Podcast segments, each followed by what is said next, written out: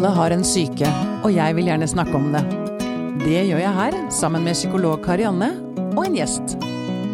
Dette er Pia om syke. Psykiatrien og helsevesenet de gjør jo sitt beste, Karianne. Ja, det vil jeg si. Ja. Men eh, det er ikke alltid eh, det faller så heldig ut for pasienten. Nei, det er ikke det. Det kan være sånn at eh, man kan ha de beste intensjoner, men det oppleves ikke allikevel sånn for den andre. Ikke sant? Eh, Vi har jo hatt en runde med belysning av tvang, f.eks., i Norge. Og det var ganske skremmende ting som kom frem. Mm. Ja. Så er vi jo velsignet, da, med eh, diverse instanser som skal passe på oss her i landet. Og gjesten vår i dag er koordinator eh, i Norsk pasientskadeerstatning. Stina Solheim, velkommen hit. Takk skal du ha. Du, du tok rett og slett kontakt med meg fordi du har veldig viktige ting på hjertet. Først så lurer jeg på om du bare kan fortelle meg hva er Norsk pasientskadeerstatning? Det ligger jo i ordet, men eh, allikevel. Du kan få lov til å utbrodere det litt. Norsk pasientskadeerstatning er den statlige etaten som tar ansvar for alle pasientskader som staten er økonomisk ansvarlig for. Det vil si, Hva- hva- ja, mm. det vil si at hvis man mener at man har en pasientskade, så slipper man å gå til retten, få seg en advokat, gå til retten og gå til sak mot sykehuset eller legen eller psykiateren eller psykologen. Men man kan gå til oss isteden, og så betaler vi de pengene som den enkelte, eh, behandlings, det enkelte behandlingsstedet eller det enkelte helsepersonellet ellers måtte betale. Mm. Det vil si at man får vurdert de sakene helt gratis, eh, og med den eh, ekspertisen som man ellers ville måtte betale advokater og bruke Ja, rettsvesenet for. Ja. Med mindre man da får avslag i, hos oss og i klageorganet vårt, eh, da kan man gå til retten. Ja, ok. Mm, og da tenker jeg umiddelbart at det er klart at hvis man f.eks. blir lagt inn på sykehus fordi man skal eh, operere det høyre kneet, og så blir det venstre operert, og så blir man amputert, altså da, skjønner, da skjønner jeg at man har en helt klar sak, da. hvis legen tar feil bein. Men eh, når det kommer til psyken, så blir det vel straks mye mer komplisert. For jeg, jeg tenker ofte at vårt system er skreddersydd for den som blir operert, og så har man ikke vært flink nok når man opererte på en eller annen måte. Og så ble resultatet for dårlig, og så veit man hva det førte til av skade, og så kan man få en erstatning for det. Det Økonomiske tapet man fikk av det. Fordi man ikke kan gå i jobben sin lenger, og derfor må slutte å jobbe, f.eks. Eh, Mens i psykiatrisakene, eller saker innen psykisk helsevern, eh, så vil det ofte dreie seg om diagnostiseringen. Det kan gå over veldig lang tid. Ofte over eh, et halvt liv, kanskje. Ja, hva, hva mener du at diagnostiseringen At man, At man for- ikke er fornøyd med den diagnostiseringen man har fått. Man har Ah. kanskje vært mye i kontakt, man har hatt plager lenge, og så får man en diagnose som man kanskje er uenig i, eller man tenker man har fått den for seint, eller at man får feil diagnose. Kanskje man bytter diagnose. Man har kanskje plager med angst og depresjon lenge, f.eks. Er lenge i kontakt med helsevesenet pga. det. Og så eh, opplever man å eh, ha gått med en depresjonsdiagnose lenge, og så plutselig så skjer det noe som, eller kanskje ikke så plutselig, som gjør at man istedenfor en diagnose som bipolar. Og så tenker man skulle jeg hatt bipolardiagnosen for 20 år siden isteden? Hadde ting sett veldig annerledes ut for meg da? Hadde jeg da gått på andre medisiner? Hadde jeg kunnet jobbe? Hvis jeg hadde fått den hjelpa tidligere? Hadde livet mitt sett annerledes ut? Og Det er noe av det vi ofte vurderer, og det er, det er også noe som jeg tenker at loven vår Vi har jo én lov som vi bruker, eh, og det er pasientskadeloven. Den er skreddersydd for, for en operasjon som vi vet når skjedde. Mm. Ikke riktig så mye, kanskje, for en mangelfull diagnostisering over lang tid, eller eh, kombinert med psykofarmaka medisiner som man har gått på lenge. Ja, for det kan også være sånn feilmedisinering. at man, eh, feilmedisinering. Det kan være, og det kan være feil behandling. Det vi ikke kan vurdere, det er jeg også litt opptatt av å få fortalt om, Fordi at hos oss så er det gratis å få vurdert sakene. Alle kan melde saker. De kan fylle, bare de greier å fylle ut skjema og signere, sånn at vi har fullmakt til å gå inn og se på journaler osv. Så, videre, så får vi behandla saken. Men vi kan ikke behandle saker som ikke dreier seg om helsehjelp. Det vil si at hvis det er snakk om eh, f.eks. et pedagogisk tilbud. Hvis man tenker at man, hvis man får en ADHD-diagnose og man tenker at skolen skulle oppdaga det lenge før, ja, akkurat. Det så kan ikke vi vurdere eh, skolen, men eventuelt da eh, Vi kan vurdere hva skolelege hadde gjort, eller helsesøster, men det er ofte ikke de som har ansvar for den diagnostiseringen. Og vi kan heller ikke vurdere hva PPT har gjort, altså pedagogisk-psykologisk tjeneste i kommunen, for det er et pedagogisk tilbud, med mindre det da er helsepersonell der. Så Ja. det kan, bli ganske komplisert. Eh, vi kan ikke vurdere tvang heller, fordi der har man kontrollkommisjoner for behandlingsstedene som vurderer tvangsbruken ved tvangsbehandling tvang- og tvangsinnleggelse. Min tvangsinnleggelse kan ikke jeg ta til dere. Nei. Hvis jeg skulle klage på den. Det kan du ikke. Eh, og hvis du tenker at du har tapt mye penger fordi du har blitt tvangsinnlagt, Mm. f.eks. ikke har kunnet jobbe, og du mener du kunne jobbe hvis du ikke hadde vært innlagt, Mm. og du har tjent pe spart Unnskyld, hva heter det? Ty- Tapt penger! Tapt penger, ja. på grunn av det. Tjent penger. Jeg tjente ikke så mye penger på det, kjenner jeg. Nei. Kanskje du sparte litt penger på å ikke kjøpe maten din sjøl. Tolv dager gratis. Ja. eh, ja. Mm. Eh, Men hvis det har gjort at du Hvis du f.eks. ikke fikk sykepenger, da, sånn at du tapte lønnsinntekt, så kanskje du vil ha erstatning, men da er du nødt til å gå rett på behandlingsstedet for å få den erstatningen. Fordi at kontrollkommisjonen skal ikke vi overprøve. Eh, Vi kan heller ikke se på tvangsmedisineringen, fordi at den er det fylkesmannen som vurderer. Så det vil si at hvis man eh, er under behandling og man, det gjøres et vedtak om at man skal få medisiner på tvang fordi man ikke ønsker å ta de sjøl, så må man klage til Fylkesmannen. Og da kan ikke vi gå inn og vurdere erstatningen rundt det heller, fordi at eh, da vil vi begynne å overprøve Fylkesmannen. Så det er en Det- ja, okay. Nei, Det er komplisert. Kjenner, kjenner jeg at jeg blir litt irritert Ja. av at systemet Altså, jeg tenker, hvis man først har vært utsatt for um, noe skadelig, da, Mm. i, innenfor helsevesenet, så er man vel ikke akkurat på høyden. Nei, man er ikke det. Og da å sortere og finne ut ok, er det kontrollkommisjonen, fylkesmannen, Norsk pasientskadeerstatning, hvor er det jeg skal gå? Altså den mølla der. Ja. Det er ikke alle instansene skal kunne veilede om det, og vi gjør det mye. Hvis man kontakter oss, så forteller vi at ja, er det bare tvangsinnleggelsen du egentlig vil klage på, så kan du ikke få behandla saken din hos oss. Mm. Eh, Er det noe mer, så behandler vi det. Og det, ellers så utover det så er det ikke noe sånn terskel at det må være eh, at det må være så og så viktig, bortsett fra at man må ha et økonomisk tap som er på over 10 000 kroner. Og det får man jo f.eks. hvis man har fått et varig men. Det man heller ikke får, det er en eh, oppreisning for tort og svie. Altså som en anerkjennelse av smerten man har vært gjennom.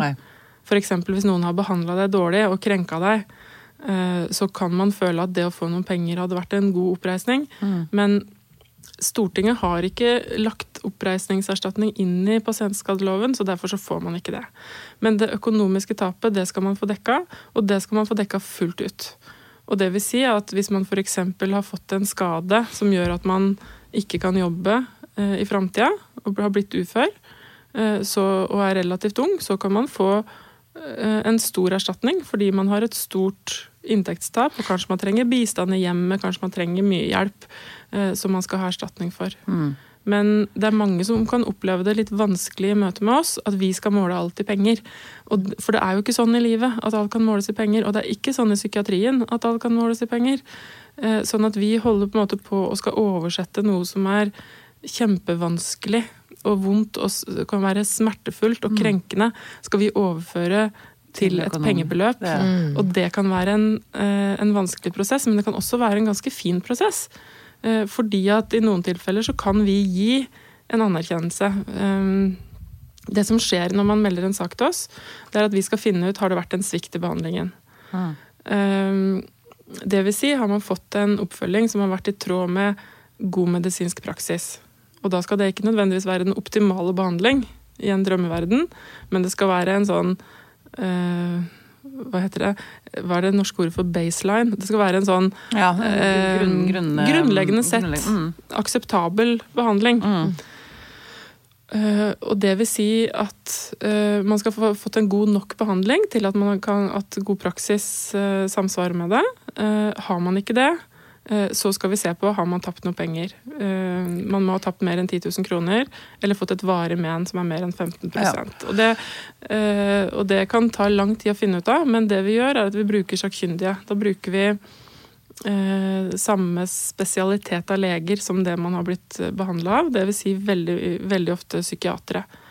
Vi har eh, sju faste psykiatere hos oss. eh, to barne- og ungdomspsykiatere, og vi bruker andre psykiatere som ikke har fast tilknytning til oss, eh, til å vurdere sakene våre. Og de erklæringene som psykiaterne våre skriver, kan veldig ofte være veldig oppklarende for den som er pasient. Fordi de kan få vite, få, et, få sett utenfra hva er det som har skjedd. Du, Karianne, er det, får du ofte pasienter som du tenker burde søkt erstatning? Eh, Eller er dette noe du liksom Ehm, jobber eller tenker på? jeg- Forholder deg til? Eh, nei, jeg syns ikke jeg får det ofte, men eh, jeg syns i Altså, det er en undertekst i spørsmålet ditt som dreier seg om at eh, vi som helsepersonell skal til enhver tid, tenker jeg, eh, være klar over at vi kan gjøre skade. Ja. Altså at vi kan ehm, på, fagspråket mitt så heter det jo så fint som iatrogene skader. Altså det er sånne skader som eh, Eller belastninger, da. eh, Som vi som helsepersonell kan ha påført. Eh, og vi skal Fordi hvis, hvis vi erkjenner det, så er vi tror jeg vi kan være ydmyke i møte med de som allerede har opplevd mange belastninger. ja. Eh, vi skal ikke ta for gitt Altså, vi er ikke ufeilbarlige, på en måte. Nei. Og det som vi har snakket om før, det er jo et spesielt maktforhold Ja visst. mellom en terapeut og en pasient. Man er ganske sårbar som pasient. Ja, det er man. det Og, ansvaret og, i, det, og i det møtet så, så, så skal man kanskje tenke at eh, den man snakker med, altså eh, det den strever med, det kunne vært meg. Ikke sant. Altså fordi Hvis jeg har det som et sånt imperativ i meg, så, så, så, så kan jeg også bli opptatt av hvordan jeg skal møte vedkommende, uavhengig av hva de kan streve med, da, og hvilke problemer de kommer med. Ja, men, jeg, men jeg kan jo også ha men nå skjønner jeg at det ikke er en del av deres saker, da. Eh, For det er jo pasienter som kan ha hvor det har blitt brukt tvangsmidler, f.eks., i en eller annen fase av behandlingen. Men hvor de i ettertid faktisk sier noe om at de er glad for at det forekom. At tvangen var der, Ja, Mm. Fordi at um, de ville ikke vært i stand til å ta de gode beslutningene for seg selv når de var i den fasen, da. men det er veldig vanskelig å kanskje se det og forstå det når man er oppi det, naturlig nok. Ja. Men du Stina, eh, det er, jeg har lyst til å bare snakke litt om de ulike Altså, du skrev til meg i alvorlighetsgrad kan det variere fra forsinket diagnostisering av ADHD, en kortere periode, til selvmord. Det Ja. er et veldig veldig stort spenn. Ja. Mm. Kan du snakke litt rundt hva, de hva er de ulike innenfor psyken, da, ikke Ja. somatikken? Eh, Av litt sånn større grupper av saker så har vi f.eks. diagnostisering av ADHD eh, eller autismespekterlidelser. Og da kommer de og søker erstatning fordi de ikke har fått diagnosen tidlig nok? Ja, og man, da tenker man jo gjerne Hvis jeg får en ADHD-diagnose når eh, Når jeg er 35, eh, og så er jeg nå 40, og så tenker jeg nå har de siste fem åra gått utrolig mye bedre enn de før. Eh, jeg kanskje alt hadde vært helt annerledes hvis jeg hadde fått det da jeg var liten. Ja. For, kan du få det motsatt? At folk blir satt på ADHD-medisiner og skjønner som voksne at hm, dette Det kan vi også få. Og så tenker man at hvis jeg, hadde, hvis jeg hadde sluppet å gå på Ritalin, så hadde jeg sluppet alle de bivirkningene, og så hadde jeg greid meg bedre. Ja. Eh, Da vil jo vi se på For det første var det en svikt å sette den eh, personen på de medisinene. Eh, Og har man tapt penger på det hvis det var det. Det kan jo hende at man har hatt mye plager og fått nedsatt livskvaliteten sin, men at man ikke har tapt noe penger på det. Eh, Men den, det typiske tilfellet, eh, fordi det jeg vil kalle liksom overskriften ADHD-sak hos oss, da, eh, det kan gjerne være en mann, relativt ung mann, som har fått en diagnose litt opp i 30-åra. Kanskje mens han satt i fengsel, fordi at da er han på ett sted. Mm. Hvis man har levd lenge med ADHD, så kan det hende at man, som ikke har vært diagnostisert, så kan det hende at man også har et litt kaotisk liv for noen. Ikke på langt nær for alle, men for noen så kan det hende at livet blir kaotisk. Eh, Noen kan ha andre ting i livet sitt, mer sosiale ting, som gjør at de i kombinasjon med den uroen de gjerne får av å ha ADHD, kan få rusproblemer. Mm. Eh, og en del forhold som gjør at man kanskje kan få en ganske lang rus- og fengselskarriere. Eh, og kanskje man også har hatt en oppvekst med belastninger. Kanskje Vi vet at det er arvelighet med ADHD, sånn at eh, kanskje man har hatt eh, en forelder eller to med ADHD også. Flytta rundt. eh, Kanskje barnevernet har vært involvert. Det er veldig mange ting som kan ha foregått som har vært vanskelig. Ja. Eh, Og det vi vil se på da, det er både skulle man ha fått diagnosen før, og hvis man fikk den, hva ville det betydd? Hvis man f.eks. har begynt på Ritalin og har kjempegod effekt av det, så tenker vi da ville man kanskje hatt god effekt av det også tidligere. Men hvis man har prøvd det og ikke, ikke hatt noen god effekt av det, eller man ikke har kunnet ta det fordi man er rusmisbruker og ikke får lov, så, det ikke, så gjør det ikke noen forskjell på f.eks. arbeidsevnen, selv om det kan være en veldig god ting å vite årsaken til at man fungerer som man gjør. Kjennskapen til eh, hvorfor man er som man er, kan være veldig veldig nyttig. Men det er ikke sikkert at man har et eh, økonomisk tap eh, allikevel. Nei. Men hva slags erstatningsbeløp er det snakk om her, da? Det kan være alt fra 10 000 kroner. Eh, det kan være saker hvor vi tror det kan være et lite tap, og så kommer til at det var visst null. Men det vanligste er at det er fra 10 000 kroner til i prinsippet mange millioner. da. Nå er det sjelden det hvis det er ADHD det er snakk om, for da vil det ofte være en periode med arbeidsinntekt som er tapt. Ja, men man får ikke et varig men av det. Um, og det jeg også må si når det gjelder ADHD, det er jo at uh, synet på hva det er for noe, har jo endra seg veldig. Uh, ta for eksempel altså de som er voksne nå, som var barn på 90-tallet. Uh, da så man på ADHD som noe som man vokste av seg. På begynnelsen av 90-tallet så het det fortsatt MBD. Uh, og man så på det som noe helt annet enn det man gjør nå. Det var en, noe versting gutta hadde, og man hadde ikke den forståelsen av hva det er for noe. Og det betyr at det var heller ikke noe eh, svikt i helsehjelpa at man ikke opp, oppdaga det. Og så må jeg nevne det med foreldelse. da. At det er, dette her er jo pengekrav eh, som blir forelda i utgangspunktet i løpet av tre år, og seinest i løpet av 20 år. Sånn at eh, når man er godt voksen og det dreier seg om forholdet når man er barn, så kan det hende at eh, saken er forelda. Men det er ganske kompliserte regler, så vi trenger ikke gå mer inn på det. Men jeg ville nevne det, sånn at man er obs på at det kan være forelda. Men du er ikke redd for at det kommer et sånn skred av uh, erstatningskrav nå etter denne episoden, eller? Nei. Nei. Nei. Fordi du skrev også til meg at det er feil folk som søker, at, eller du vil gjerne nå ut det er, til Det er spissformulert, Ja, men jeg vil, det, men- ha, jeg vil gjerne at vi skal ha så god treffsikkerhet som mulig. fordi at eh, Noen kan sikkert tro at vi sitter og ruger på penger, men vi har en utømmelig pengesekk til erstatninger. Oi, fordi at, oi, oi. Eh, fordi at, eh, fordi at vi, staten må betale erstatning for alt de er erstatningsberettiget for. Alt de har erstatningsansvar for. Men det skal være de riktige som får erstatning. Så vi vil at vi skal ha god treffsikkerhet. Vi bruker jo opp kapasitet hvis vi får unødvendige saker. Ja. Som gjør at vi har, og det er ikke pga. unødvendige saker, men vi har lang saksbehandlingstid. Det kan ta lang tid å få behandla sakene hos oss. Men hvis man har krav på erstatning, så er det jo kjempeviktig at man får det. Ja. Og da vil vi veldig gjerne nå fram, uansett om vi da blir overarbeida og det blir enda lengre saksbehandlingstid. Ja, nettopp. Men hvem er det du er ute etter, da? Er, hvilke kunder vil du ha?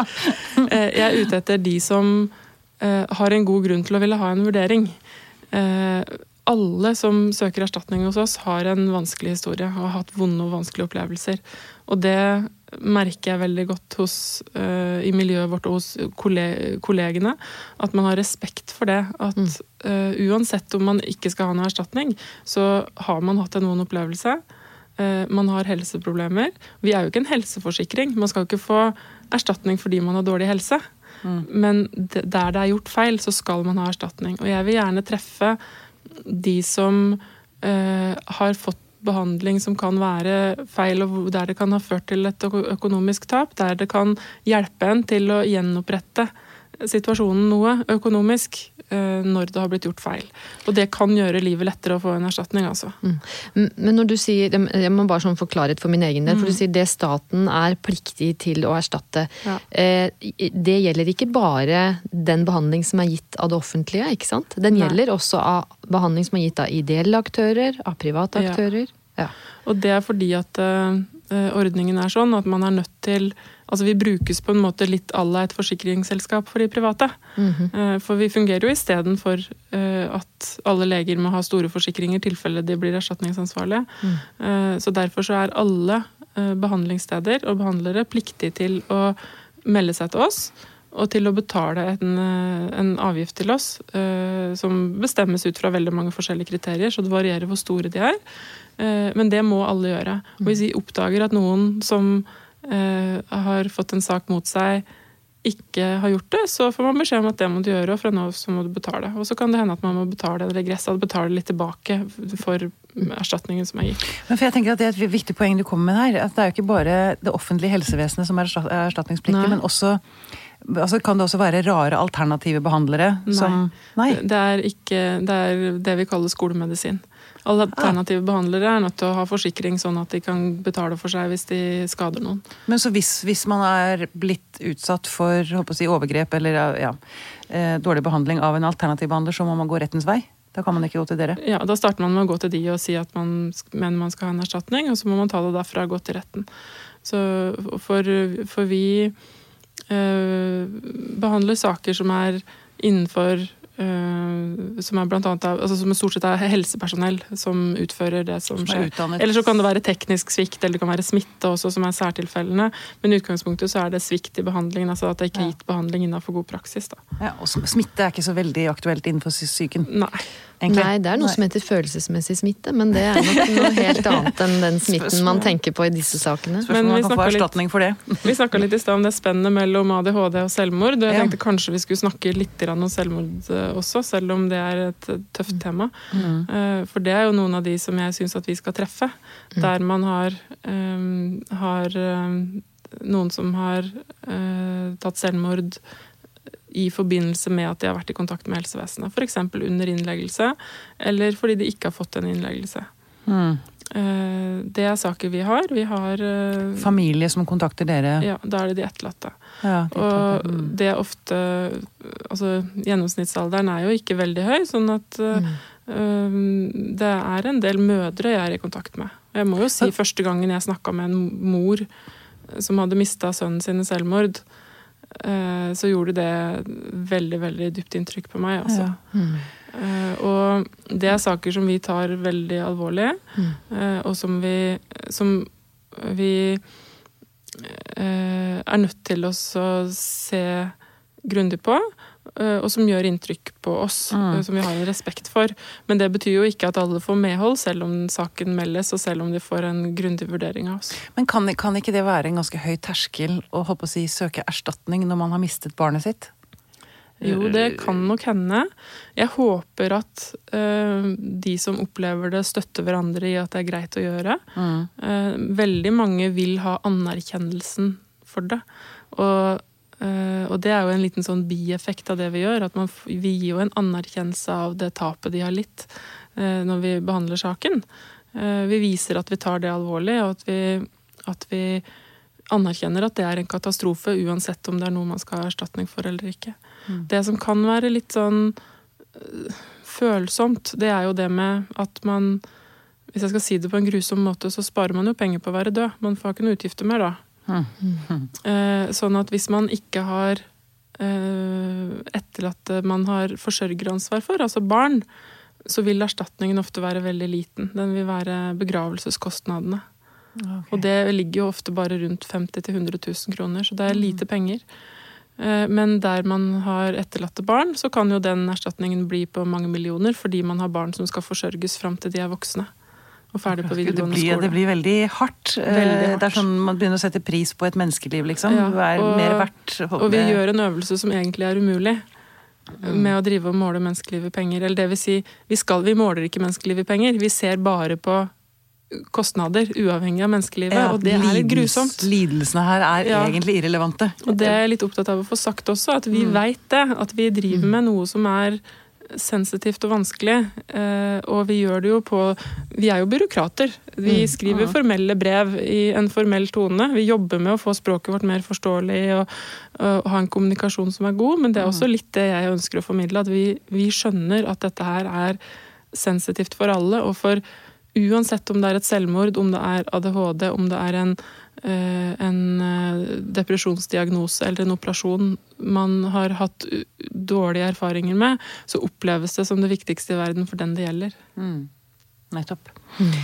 Em, dere blir jo også da kontaktet av mennesker som kanskje er i en psykose, eller som er, eh, har en litt feil virkelighetsopplevelse. Ja. Jeg har jo selv vært der, så jeg kan si det. Jeg kan si det og le av det. Ja. Um, det, kan jo, det kan jo være humoristisk.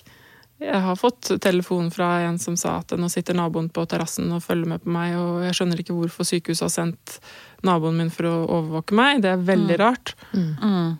Uh, hvor jeg også kunne svare ja, det er veldig rart. Og så lo vi litt sammen om det, at det var så rart. For jeg kan ikke, jeg er ikke helsepersonell. Jeg Nei, kan, kan ikke gå inn inn og, og gjøre noe med den situasjonen. Men hva gjør du der, da? Eller hva Kan du ta en telefon til akuttpsykiatrien, liksom? Hvis jeg får henvendelser fra noen som eh, er så syke at jeg tenker at de trenger hjelp, eh, så vil jeg ringe eh, Kanskje, kanskje jeg må ringe politiet, f.eks. Ja. Jeg kan oppfordre noen til å si at hvem har du rundt deg, har du noen du kan snakke med nå?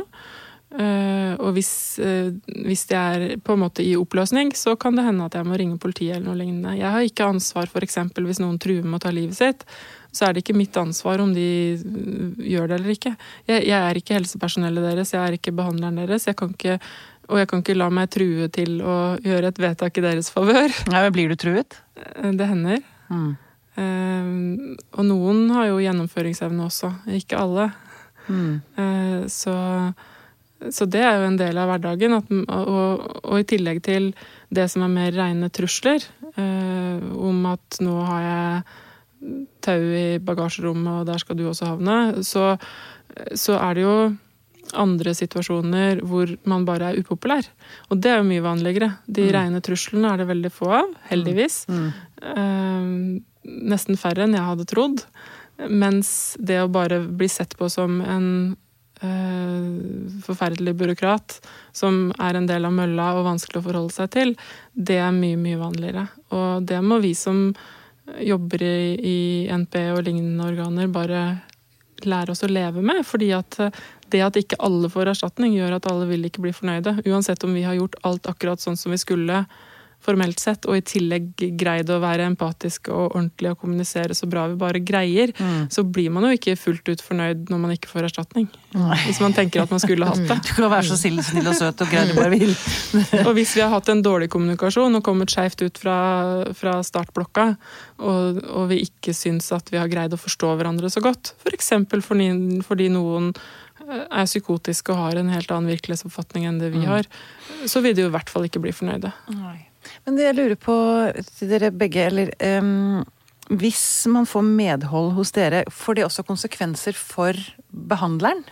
Altså for instansene som har utført feil Hva heter det? Malpractice? Hva heter det? Feilbehandling. Feilbehandling, Feilbehandling ja, eller faglig uforsvarlig. Eller, Ja. mm. Eh, Det kan de få. De kan få krav om en regress, altså at de er nødt til å betale inn eh, penger til oss, en Ja. eh, andel.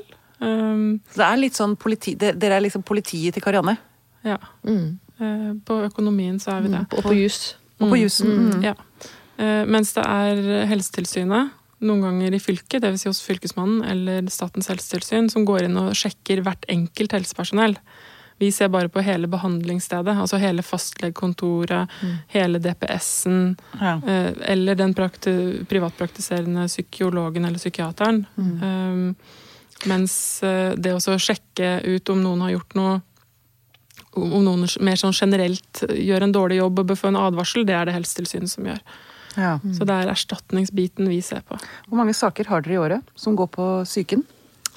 Skal vi se, Nå hadde jeg en liten jukselapp jeg, som sier det. For vi har en øh, øh, et par hundre saker innen psykisk helsevern i året. Og prosenten som Par får hundre, det er ikke mange. Nei, det er ikke mange. Jeg tror vi kunne hatt flere. Mm. Um, Ja, hvorfor sier du det? Hva er det som gjør at du tenker at vi Fordi det er mange der ute som ikke vet om det, Ja. og Ja. ja. mm, som og jeg ikke tror benytter seg mye av det. helsepersonell ikke er så bevisst på det. Helsepersonell er pliktig til å fortelle øh, pasientene om ordningen Mm. hvis det oppstår en situasjon hvor det kan være aktuelt. ja. Eh, Det blir litt mer diffust i psykiatrisakene, der det kanskje er ens egen diagnostisering av den pasienten som man har vært eh, sein eller noe lignende. Mm. Eh, Eller at man rett og slett ikke er enig i det, at det er noe, gjort noe feil. Så er det litt vanskeligere å komme på at man kan informere om det, men behandlingsstedene skal vite om det. Eh, Der det skjer et selvmord eh, på en avdeling, så er jeg rimelig sikker på at eh, behandlingsstedene er bevisst på at de kan informere om dette her, eh, og gjør det i stor grad. Eh, Men i en del andre situasjoner så gjør de det ikke, og det kan godt hende at eh, pasienten kommer på dette her eh, lenge etter at de har avslutta kontakten også med det behandlingsstedet. Men det er veldig viktig at, eh, at eh, helsepersonell er klar over dette her. Eh, Ja. Hva, hva vil rådet ditt være til helsepersonell? Sette seg inn i at ordningen fins. lære seg litt grann om det. Gå inn på npe.no og lese. Eh, og tipse om det. Og det gjelder jo både å realitetsorientere en pasient som er sinna og tenker sier at nå skal vi ha, jeg ha erstatning, nå skal jeg ta rotta på deg, nå skal, du, nå skal du bare se. Kanskje de trenger en realitetsorientering på at her er faktisk alt i orden. Og det gjelder der man tenker at ja, det her er helt ålreit å få tatt en titt på. Mm. For jeg mener ikke at det at noe munner ut i et avslag fra oss, betyr at det er gærent at vi har behandla saken. Nei. Det, Det kan, kan kanskje være være en, en terapeutisk effekt, kanskje? Ja, altså det, det, det, er Jeg tenker mange ting når du snakker om det. er særlig to ting som jeg kan se for meg blir, er veldig krevende. og Det ene er nettopp det at det ender ut med at det kanskje ikke blir erstatning. Så kan jo det fort eh, fortolkes som om at da betyr ikke historien min noe. Eller da betyr ikke krenkelsen noe. Men det er vel veldig viktig det du sier, da, at det, det er ikke det dere setter en prislapp på. Dere ser på eh, Det er ren administrasjon og juss dette Ja. går på. Det er ikke, og, og så man må liksom kommunisere det ut, da, som Ja. du gjør nå.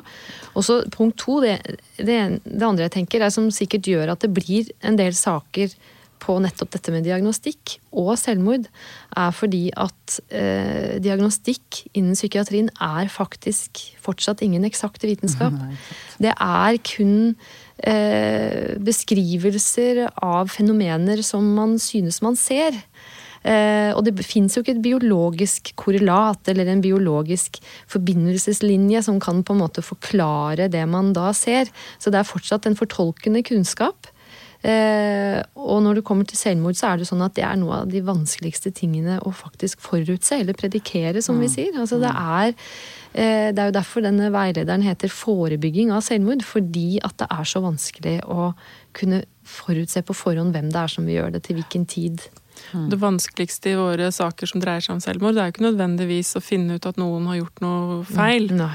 eh, men å se har det faktisk ført til selvmordet. I den forstand at Ja, hvis man hadde gjort det riktig på det og det tidspunktet, hadde selvmordet vært forhindra da. nettopp. Jeg kan jo ta et eksempel hvis hvis dere vil det. Eh, På en sak som gjorde inntrykk på meg. Vel litt, litt sånn skissert. Eh, Jeg har taushetsplikt på sakene. Mm. Men eh, egentlig en cocktail av litt flere saker. Mm. der en pasient ble, hadde mye selvmordstanker og gjorde et alvorlig selvmordsforsøk. Og ble lagt inn på en akuttavdeling. Og hadde god bedring inne på avdelingen. Eh, Men hadde fortsatt selvmordstanker. Og man ble enige om at eh, den pasienten skulle bli værende på en langtidsavdeling. Eh, Det fant man ut, bestemte man på en fredag. Eh, At eh, pasienten skulle få tilbud om plass på en langtidsavdeling på mandag. Mm. Og da var den pasienten i godt humør og positiv til å komme på en annen avdeling. Så da fikk eh, vedkommende permisjon. Eh, og slapp å være på akuttavdelingen i helga, for da var det jo ikke leger der. Og sånn. Mm. og dro rett av gårde og drukna seg. Eh, da kom vi til at eh, vi, vi var ansvarlige for å gi erstatning, fordi at eh, vi mener at hvis den pasienten enten hadde blitt værende på akuttavdelingen eller hadde kommet eh, på langtidsavdelingen på fredag, selv om det ikke var leger der i helga, så hadde den pasienten blitt ivaretatt gjennom den bøygen. Mm. Og selvmordsfaren var såpass eh, stor på forhånd at med en skikkelig vurdering på den fredagen, så, så skulle man ikke ha kommet til at det var greit med en permisjon. Men man gjorde ikke vurderingen. Man, sa, man så at det her var det en pasient i godt humør. Vær så god. Og da kan det hende at det gode humøret var fordi pasienten endelig hadde fått en utvei til å komme seg ut og gjøre det som var tanken. Akkurat. Ja, for det ja. mm. Og der snakka jeg mye med pårørende, eh, og eh, det er sånn som gjør inntrykk. ja. Det skjønner jeg veldig godt. Um, vi må avrunde, men men jeg bare tenker, eller veldig kort Hvem er det du tenker innenfor psykiatrien, eller innenfor psykisk helse Hvem er det du har lyst til å nå mest? Altså, hvem er det du vil oppfordre til å kontakte dere? Det var et vanskelig spørsmål, fordi at eh, jeg tenker at det er greit hvis man har eh, fått en behandling man ikke syns er bra nok, å tenke etter. Eh, så nøkternt som har jeg reelt sett et økonomisk tap pga. det her, og har det vært for dårlig? Ja. Eh, Så jeg vil at man skal vite om ordningen. Alle som er pasienter og alle som er helsepersonell, skal vite om ordningen og tenke etter er dette her noe som er aktuelt for meg, eller er det aktuelt som pårørende at man hjelper til med det. Mange har jo pårørende eller advokater eller andre som fullmektige til oss også, hvis ikke de orker å føre saken sjøl.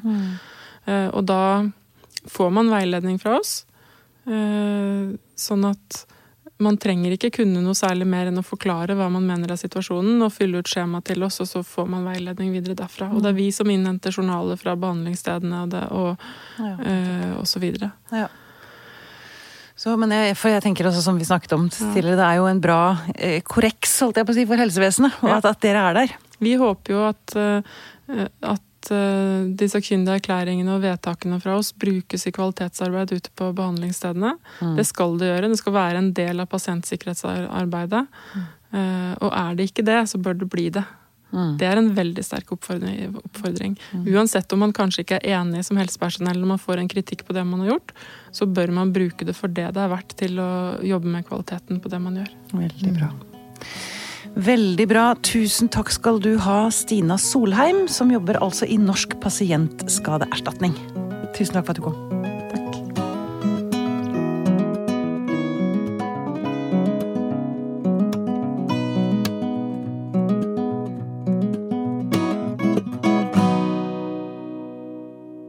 Podkasten er produsert av Tid og Lyst. Med støtte fra Ekkos legat.